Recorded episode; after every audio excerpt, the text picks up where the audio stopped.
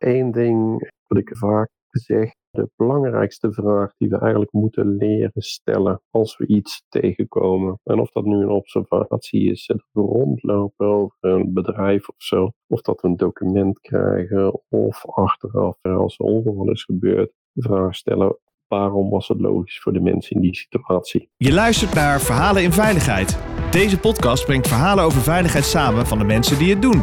Met wisselende onderwerpen.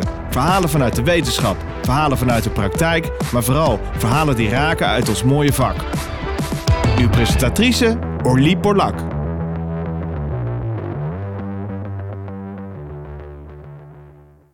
Wat zijn jouw favoriete fabels? Ja, dat is vrij moeilijk om te kiezen eigenlijk. Maar spontaan zeg ik meestal als iemand mij vraagt van wat is je favoriete fabel uit je boek, dan gaat hij over dat humor niet toegestaan is binnen veiligheid. Dat is gewoon één die ik, waar ik zelf veel plezier aan heb, omdat hij uh, super veel praktische implicaties heeft op veiligheidskundig werk. Maar mensen denken vaak dat veiligheid super serieuze en saaie bezigheid is, waar je alleen maar bezig bent met regeltjes en naleving en allerlei zware analyses. Ik zelf vind dat niet. Ik zelf heb veel plezier in het werk wat ik doe en ik denk ook aan een Engelse uitdrukking, als je iets met een glimlach doet of zo, dan gaat het beter. En ik moet eventjes denken ook aan Mary Poppins, geloof ik, waar die is. Dus dat is in ieder geval één. Ik denk dat we heel veel dingen eigenlijk gewoon leuker kunnen brengen zonder dat we het onbenullig moeten maken. Dat wel, want dat gevaar bestaat natuurlijk ook wel eens dat men probeert veiligheid leuk te maken met een cartoon poppetje of zo. Of een of andere gadget. En dan denk ik van, ja, dan moet je je afvragen van of de vorm niet hè, misschien te veel de overhand krijgt. Ik was eigenlijk in de veronderstelling dat men veilig werken bewust een beetje een duistere, een beetje creepy connotatie geeft. Ik las een boek laatst van Beatrice de Graaf en die trekt een vergelijking met veiligheid en ook wat theologische inzichten over het kwaad. En dat mensen vanaf mensenheugenis een fascinatie hebben met het kwaad. En dat de vraag altijd is: zit het kwaad in de mens? Of wordt het kwaad geboren door de omstandigheden? Ik zie hier ook de parallellen met onze veiligheidsbeleving. En dat, oh, wat mooi. Dat is een heel mooi boekje. Ik wist ook niet dat zij eigenlijk heel protestant is. Denk, ik denk dat ze protestant is. Maar het is best wel een religieus boekje is het. En zij onderzoekt natuurlijk veiligheid dan in de zin van eigenlijk terrorisme. Gaat over radicalisering, terrorisme.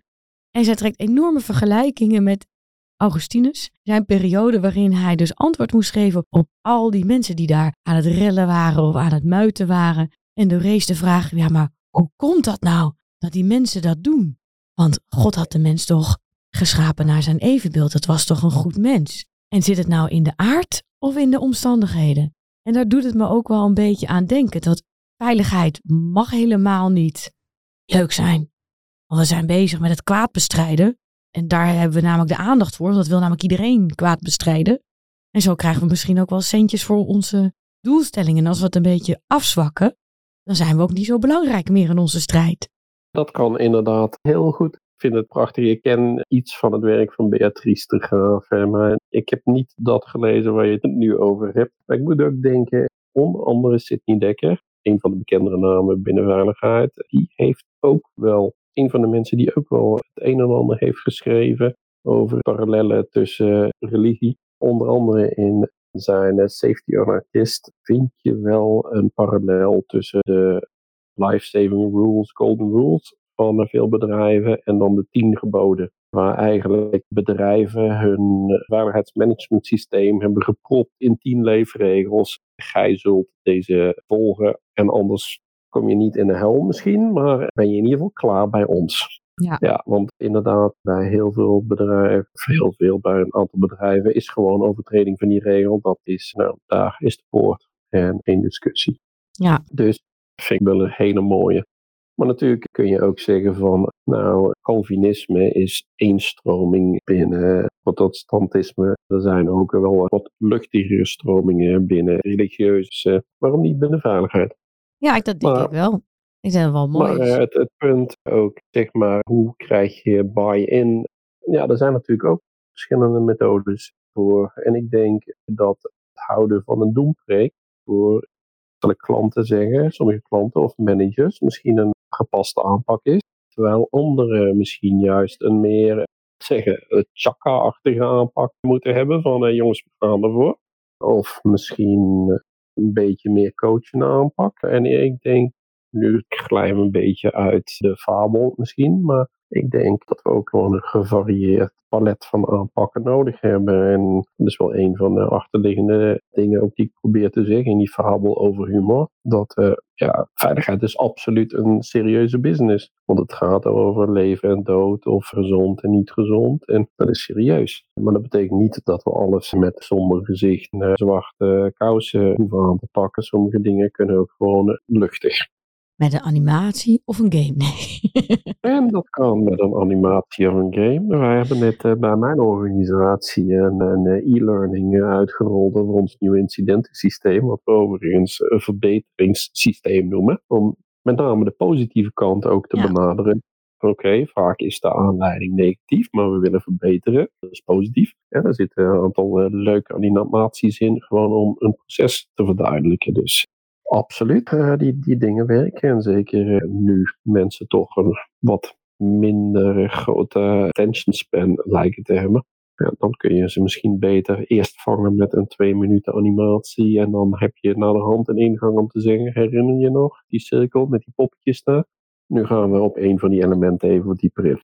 Ja, mooi. En je derde fabel van deze podcastreeks, die ik ook wel heel interessant vind. Daar hebben we nog tijd om die nog even klein kort aan te stippen. Het buswoord de zee.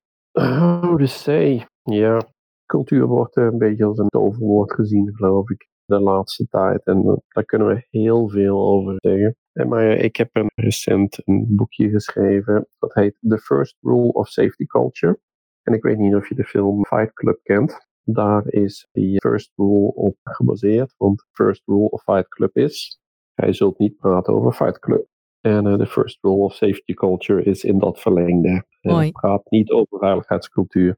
En je hebt in grote lijnen twee kijken op veiligheidscultuur. De ene is zeg maar de instrumentele manier. En dat is de manier die je het meeste, denk ik, eh, tegenkomt als er over wordt gepraat. Namelijk dat veiligheidscultuur een toeltje is om veiligheid te verbeteren.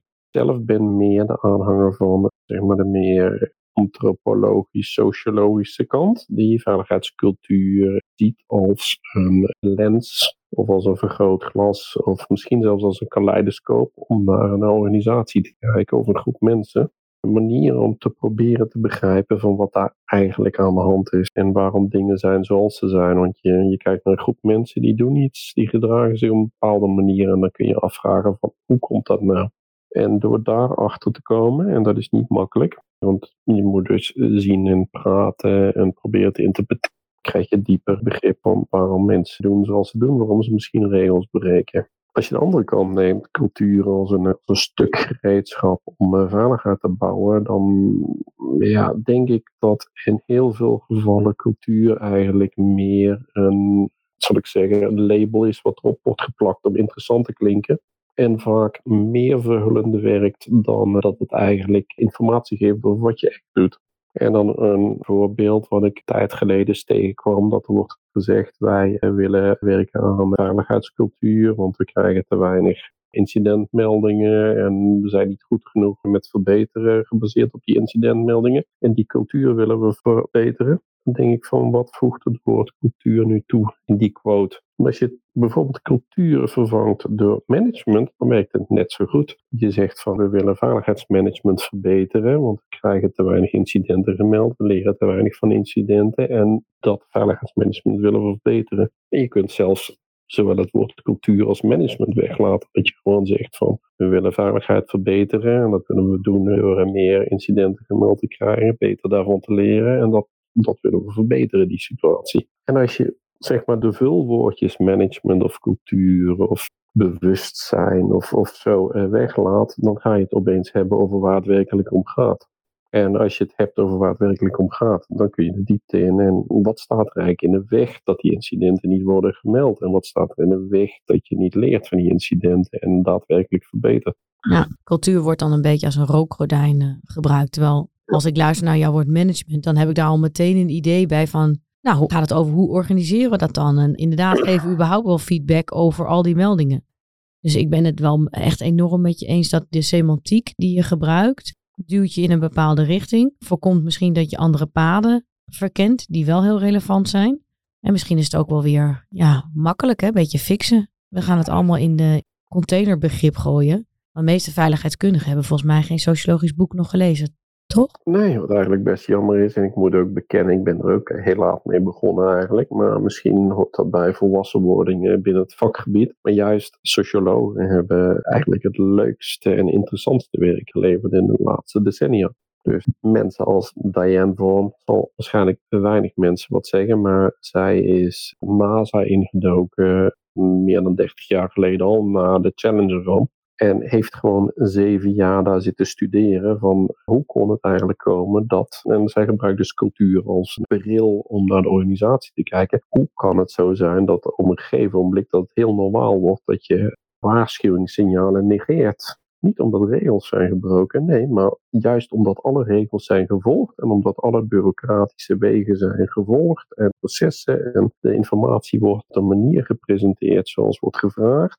En dan blijkt dat gewoon cruciale informatie niet op de goede plekken belandt met voldoende kracht om dan te zeggen van nee, we, we starten niet ondanks allerlei druk die er is. Maar dat wordt gezegd van, nou ja, oké, jullie hebben het niet duidelijk kunnen maken, dus we starten wel. En 70 seconden later heb je een explosie. Prachtig, maar ik besef heel goed dat heel weinig organisaties natuurlijk de mogelijkheid hebben om zeven jaar te studeren waarom een ongeval gebeurde. Dus dat, dat zijn uitzonderingen. Maar ik denk, je kunt je wel wat meer inzetten in bepaalde dingen. Je hebt niet zeven jaar nodig om dingen te begrijpen. Beetje bij Boeing kwam hetzelfde naar boven, hè? Ja. Dat de alarmbellen werden gerinkeld onder in de regionen. Maar de top had een, een time to market afgesproken met stakeholders. Ja, ja, en er waren grote belangen in het spel. Ik ken de case niet zo verschrikkelijk goed, maar ook dat is een fascinerende case waarin zeg maar, een klein technisch dingetje zeg maar, verkeerd uitpakt vanwege een hele lange geschiedenis die ervoor zit. En dat zou eigenlijk wel heel interessant zijn. Denk je dat veiligheidskundigen skills kunnen ontwikkelen om wat meer die achterliggende beweegreden van mensen te kunnen achterhalen? Of zouden ze dat moeten ontwikkelen in jouw ogen? Ja, ik denk dat we dat uh, zouden moeten. En uh, één ding wat ik vaak zeg, de belangrijkste vraag die we eigenlijk moeten leren stellen als we iets tegenkomen. En of dat nu een observatie is, dat we rondlopen over een bedrijf of zo, of dat we een document krijgen, of achteraf als er ongeval is gebeurd, de vraag stellen, waarom was het logisch voor de mensen in die situatie? als je probeert in die schoenen te staan, dat is heel moeilijk natuurlijk, want Misschien zijn die mensen er niet meer, maar als je probeert een beeld te krijgen van hoe zag het uit voor hun op dat ogenblik. Of ook als je zeg maar, een werkplaats inloopt en je ziet daar mensen zonder dingen. Je moet niet gelijk in een normatieve slof schieten van hallo, je moet zus en zo, maar joh, ik zie dat, waarom doe je dat? Of kun je me uitleggen? Proberen te begrijpen. Ik denk, als je, als je daar een begin mee maakt, dan kan er heel eind, ben je opgeschoten. En door niet die normatieve rol te nemen ook, daar zijn veiligheidskundigen gewoon heel goed in. Want we worden heel erg gedrild in regels en wetgeving en, dat soort dingen. Maar door zeg maar, die normatieve rol in ieder geval op te schorten en eerst eens even te vragen en proberen te begrijpen waarom is dit zo, dan kom je een heel eind op weg, denk ik. Dan wil ik jou bedanken voor deze gave podcast. Hartstikke leuk. Dankjewel dat ik mee mocht doen.